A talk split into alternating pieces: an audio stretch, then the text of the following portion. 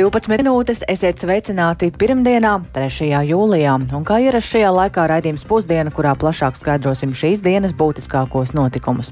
Studijā Dāca Pēkšēna.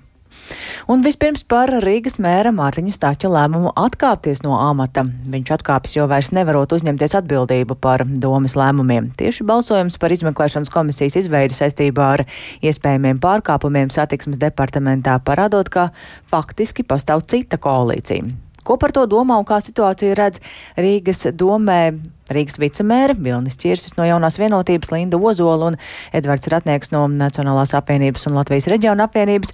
To viņi tieši šobrīd skaidro īpaši sasauktā preses konferencē, un tā kā tā ir sākusies tikai tikko, tad ar kolēģi Jāni Kīnci sazināsimies redzījuma beigās, lai uzzinātu pašu jaunāko informāciju. Bet šajā brīdī varam paklausīties paša Rīgas mēra Mārtiņa Stāča sacīto programmā Labrīt kolēģiem Dairai Zīlē un Kristapam Feldmanim, kā Stāķis pamato savu atkāpšanos.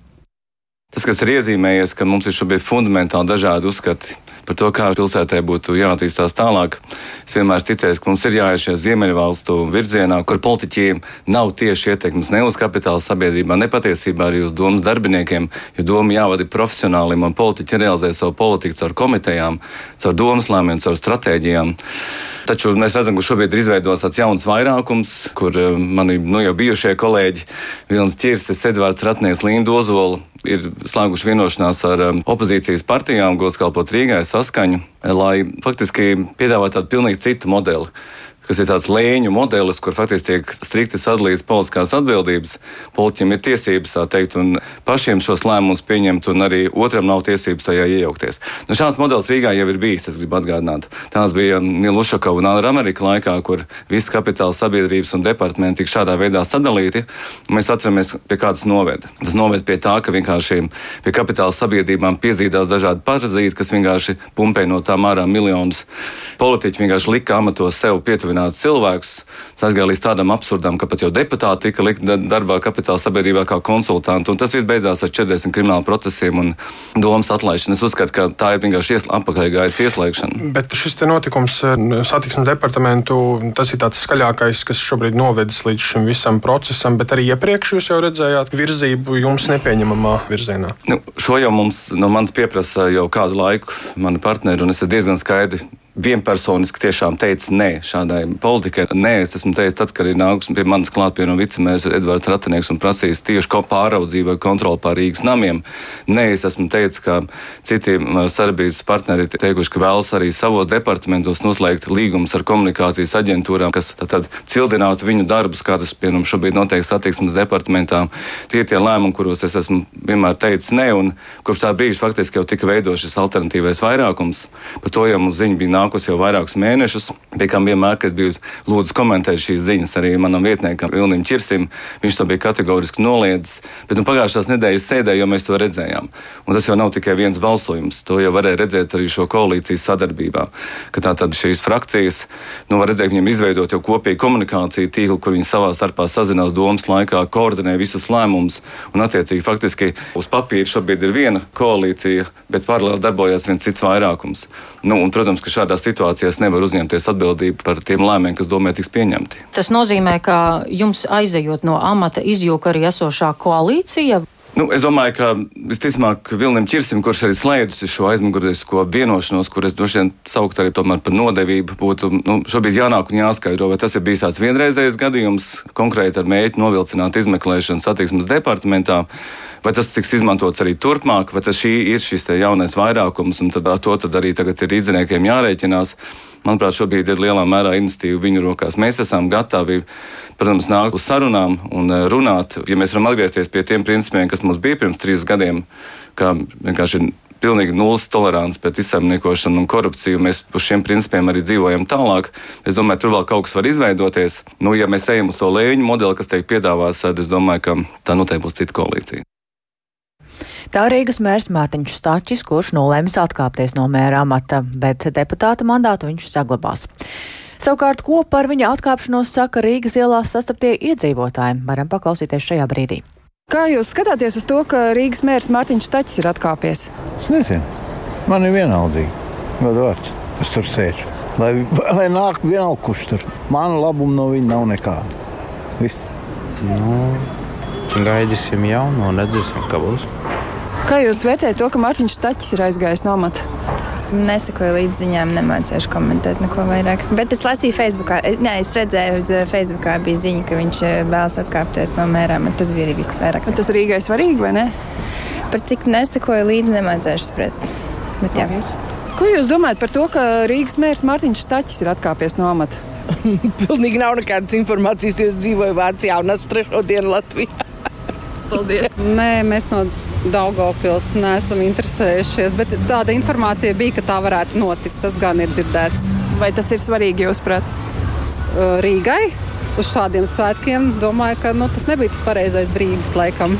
Vajadzēja novadīt svētkus un tad varbūt apdomāt šo lēmumu. Paldies! Lūdzu!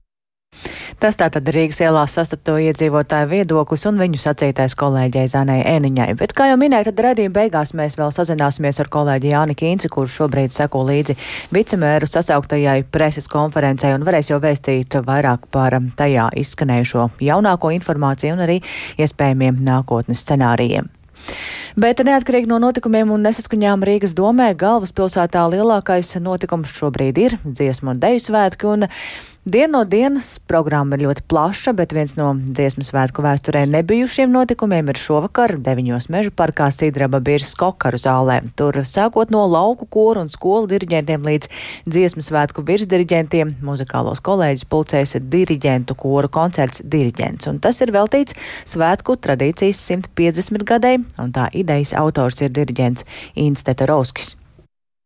Diriģentiem prasījām aptauju popkoncertiem, dziesmu svētkiem un repertuāru priekš šī diriģenta koncerta. Un tur ir pilnīgi cita pasaule. Tāpēc, ka, nu, kā jau profesionāls viņš jūt, kas estrādē skan, kas estrādē piederās labāk, bet tad šīs ir tās sirds lietas, ko tie diriģenti grib dziedāt.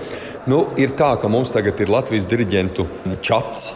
Mums tur ir vairāk kā 250, un koncertā būs kopumā ap 200. Tas būs diezgan liels. Un arī nu, izredzētai publikai, ja pareizi sakot, maz vietas kokaru zālē ir, bet es arī uzstāju, ka jābūt kokaru zālē, un mums beidzot ir koncerta zāle ar diriģentu vārdu. Tā diriģents Insteta Rauskis un jāpiebilst, ka koncerta starpbrīdī desmitos vakarā ir paredzēts vēl viens īpašs notikums - dziesmu svētku estrādēm iepratīm Kokar zāles ieejai atklās mūžībā aizgājušajam komponistam Mārtiņam Braunam veltīto pieminekli dziesmas zīme Saule pērkons Daugava, un tā autori ir tēlnieks Pauls Jaunzems, arhitekts Austris Mailītis un Juris Poga. Bet vairāk par diriģentu koru koncertu tad dzirdēsiet redzījumā pēcpusdienu. Taču svētki pulcēja arī amatniekus un mājražotājus. Tirdziņos preces gan nav lētas, Cenu kāpums saistīts gan ar vispārēju izēju materiālu sadārdzinājumu, gan arī pašu tirzniecības vietu dārdzību. Lai gan pēc amatnieku iebildumiem Rīgas pašvaldība piekāpusies un tirzniecības vietu cenu par ceturto, da ceturto daļu samazinājusi 700-800 eiro par nedēļu, tik un tā nav maz. Un tirdziņos nu pat arī bija kolēģi Zānēniņa, kura šobrīd jau pievienojas studijā. Sveika, Zāne, un saka, kāds ir tirgotāju noskaņojums? Noskaņojums ir ļoti atšķirīgs. Vieni tiešām ir ļoti neapmierināti un saka, ka Rīgas pašvaldība ar augstajām tirzniecības vietu cenām grib iznīcināt amatniecību. Kā teica kāds vīrs, kurš eh, tirgo adījumus, bet negribēja, lai viņa sacīto ierakstu. Eh, viņš jau apgūstot citu profesiju. Viņš būšot šoferis un tad nopelnīšot labāk nekā ar cimdiem. Bet eh, tad, kad tradicionālos amatnieku izstrādājumus tirdziņos aizstāšot, eh, kā viņš izteicās, plastmasa no Ķīnas, tad mēs visi aptversim, ko esam zaudējuši. Līdzīgi izteicās arī kāda kundze, kura vērmentarzā ir kooperējusies un tirgojas kopā ar kolēģi, jo viena pati telti nevar atļauties. Paklausīsimies, ko viņa teica. Būtībā Latvijā tiek iznīcināta amatniecība. Gan pa telšu krāsām, gan tā akstīšanās. Tagad var braukt ar mašīnām un dievs zina ar ko. Tā kā kāda cita firma rīko, tad mums vajag eh, noteiktā krāsā paklājiņas. Nu, vai tas ir? Nu, vienkārši tiek, lai mēs nevaram, lai nevaram, lai nevaram. Jā? Visu laiku tiek klupināti. Jā, tā teica šī eh, tirgotāja, kura pārdod eh, dažādus tekstilu izstrādājumus, linu un arī cimdiņus. Bet uh, atgādināšu, ka Rīgas doma arī grasījās izvirzīt prasību amatniekiem un mājražotājiem tirgot savu preci tikai pelēkās teltīs, bet tagad šai prasībai noteikts pārējais periods, un tas arī redzams, ka teltis gan esplanādē, gan vārmeņparkā ir lielākoties baltas. Bet vēl par tirzniecības vietu cenām runājot. Kāda cita pārdevēja, kur tirgo tautiskus bruncīšus bērniem un laikmetīgus darinājumus no Lina, teica, ka nu, dārgi jau esot. Cenas ir divreiz augstākas nekā iepriekšējos svētkos, tomēr viņa neļaušot tam sev bojāt svētku prieku. Un tas arī lielā mērā esot atkarīgs no tā, ko pārdod. Ieklausīsimies, kāda tautisko rotu pārdevēja atbildēja uz manu jautājumu, vai tirgoties šogad nav ļoti dārgi. Jā, varbūt tās, bet nu, vieta ir atpelnīta jau. Jau atpelnīta? Jā, jā. Nu, mums jā, tirgus ir ļoti labs un, un, un nav problēma vispār šogad. Citi saka, ka mm, domā, kā vispār izdzīvot līdz nākamajiem dziesmu svētkiem. Nu, mums nav tā.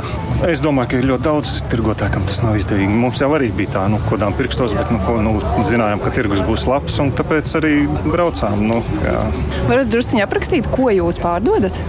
Mēs etnogrāfiskās saktas, kas ir principā mums vieniem tikai, jā, arī Latvijā. Un, nu, taisa vēl, bet nu, mēs esam lielākie, kas spēj sataisīt et, uh, arheoloģiskās rotas, kur ķēžu sistēmas, nu, saktiņas. Su, jā, viss kas, vis, kas nepieciešams dalībniekiem, gan etnogrāfiskiem tērpiem, gan arheoloģiskajiem tērpiem. Šim tirgotājiem pirms 25% atlaides, ko amatnieki panāca uzrakstītam domai kopīgu vēstuli, būtu jāmaksā par tirdzniecības vietu vērmēm par kā 1000 eiro par astoņām dienām, bet tagad 700. Tā kā viena sakta var ma maksāt vairākus simtus eiro, es redzēju tur cenu 350, tad patiešām pietiek pārdot divas saktas un vieta ir atpelnīta. Taču klausītāji var pareiķināt, cik cimdu pāri jāpārdod, lai to vietu atpelnītu. Bet katrā ziņā vietu dārdzība patiesa, patiešām ir ietekmējusi preču, preču cenas, ko teica daudzi tirgotāji, bet vienlaikus visi cer, ka viesu pieplūdums pilsētā tomēr izrādīsies ienesīgs un izdosies no, arī nopelnīt. Bet eh, šajā situācijā kas tad ir tas, ko visvairāk šobrīd tur tirgo šajos tirdziņos? Nu, tās preces ir ļoti dažādas, ļoti dažādas. Ir gan māla izstrādājumi, gan uh, tekstils vairākos ļoti daudzos stendos, tāpat ir no koka dēlīši un uh, karotes. Redzēju arī stikla auskarus ļoti skaistus, dažādas koka mašīnītes, koku robotiņus, ļoti skaistas lina kleitas. Ļoti plašs klāsts, un es saprotu, ka nu, arī pircēji neskatoties uz dārdzību, tomēr ir. Ir gan ļoti daudz. Paldies kolēģei Zanai Eniņai par ieskatu svētku tirdziņos. Tikmēr Ukrainā 495. dienu turpinās Krievijas sāktais pilna apmēra karš. Ukrainas aizstāvi frontē turpina pretuzbrukuma operācijas, bet no Ukrainas amatpersonām pēdējās dienās ir izskanējuši brīdinājumi, ka Krievija varētu tīši izraisīt negadījumu Zaparīžas atomelektrostacijā, kas ir lielākā Eiropā. Tas varētu novest pie katastrofālām sekām. Starptautiskā atomenerģijas aģentūra, kas uzrauga situāciju Zaparīžas atomelektrostacijā, apgalvo, ka neredz pamatu Kijavas apgalvojumiem, tomēr arī bažīs par iespējamiem incidentiem stacijā. Un tāpēc man šobrīd studijā ir piebiedrojies kolēģis Uldis Čēsbergs, kurš sīkāk ir gatavs stāstīt par situāciju. Sveiks, Uldi, un kādas tad ir jaunākās ziņas par notiekošo Zaporīžas atomelektrostacijā? Jā, labdien! Sākšu ar to, ar tādu atgādinājumu, ka Zaporīžas atomelektrostacija nonāca Krievijas spēku kontrolē pērn martā īsi pēc Krievijas pilna apmēra iebrukuma Ukrainā. Un tur jau agrāk ir notikuši dažādi incidenti, piemēram, raķešu apšaudes, bet līdz šim ir izdevies izvairīties no eh, katastrofas. Eh, Ukrainas amatpersonas eh, regulāri ir apgalvojušas, ka Krievija izmanto Zaporīžas atomelektrostaciju, lai īstenotu kodola šantāžu pret pārējo pasauli, bet nu, pēdējo divu, aptuveni divu pēdējo nedēļu laikā gandrīz nu, katru dienu no Kīvas izskan apsūdzības, ka Krievijas karaspēks gatavojoties veikt terora aktu stacijā. Un, piemēram, Ukrainas Ukrainas aizsardzības ministrijas galvenās izlūkošanas pārvaldes priekšnieks Kirilo Budanovs 20. jūnijā paziņoja, ka Krievijas karavīri ir izvietojuši sprākstvielas četros no sešiem Zaporīžas atomelektrostacijas energoblokiem, bet dažas dienas vēlāk viņš jau apgalvoja, ka okupanti ir pilnīgā, pilnībā sagatavojušies tam, lai uzspridzinātu staciju. Un arī Ukrainas prezidents Valdimirs Zelenskis pēdējās nedēļās vairāk kārt ir paziņojis, ka Krievija gatavojas spridzināt Zaporīžas atomelektrostaciju. Un paklausīsimies, ko Zelenskis eh, teica sestdien. На жаль, є ще страшніша загроза це підготовка російськими терористами. Krievijas teroristi gatavo scenāriju radiācijas noplūdei Zaporižģijas atomelektrostacijā. Mēs par to esam runājuši jau ilgu laiku, un pastāv nopietni draudi, jo Krievija ir tehniski gatava izprovocēt lokālu sprādzienu atomelektrostacijā, kas varētu izraisīt bīstamu vielu nonākšanu gaisā. Mēs to skaidri pasakām. Mēs to apspriežam ar saviem partneriem, lai visi saprastu, kāpēc Krievija to dara. Pasaules, katras valsts un katra līdera uzmanība un konkrēts spiediens uz Krieviju ir tas, kas ir nepieciešams, lai nepieļautu radiācijas incidentu Zaporižģijas atomelektrostacijā Інцидентів на Запорізькій атомній електростанції. Jā, bet vakar okupētās energodaras pilsētas, kur atrodas šī Zaporīžas atomelektrostacija, mērs Dmitro Orlovs paziņoja, ka pilsētu ir atstājuši vairāk nekā simts stacijas darbinieku, gan vietējie speciālisti, kuri bija parakstījuši līgumus ar Krievijas uzņēmumu Rosatom, gan no Krievijas atvestie, un viņiem bija uzdots pamest pilsētu līdz 5. jūlijam. Nav īsti zināms, kāpēc viņi ir devušies prom, bet tas, protams, ir tikai vairojis šīs te spec spekulācijas un minējumus, ka Krievijas karaspēks tur kaut ko stacijā varētu gatavot. Es saprotu, ka tas ir pašu Ukrāņu sacītais, bet kāda ir tā starptautiskā reakcija uz šiem Ukrainas paziņojumiem par iespējamo teroraktu Zaparīžas atomelektrostacijā? Jā, Startautiskās atomenerģijas aģentūras vadītājs Rafaels Grossī, kurš pirms dažām nedēļām ar savu komandu apmeklēja Zaporīžas atomelektrostaciju, viņš apgalvoja, ka nekas nav liecinājis par Krievijas karaspēka gatavošanos spridzināt staciju vai veikt kādas citas darbības, kas varētu novest pie radiācijas noplūdes. Bet viņš uzsvēra, ka Zaporīžas atomelektrostacija atrodas faktiski uz frontes līnijas, kas rada milzīgus riskus, un varam paklausīties paklausīties, ko viņš teica pirms dažām dienām intervijā telekanālām France 24.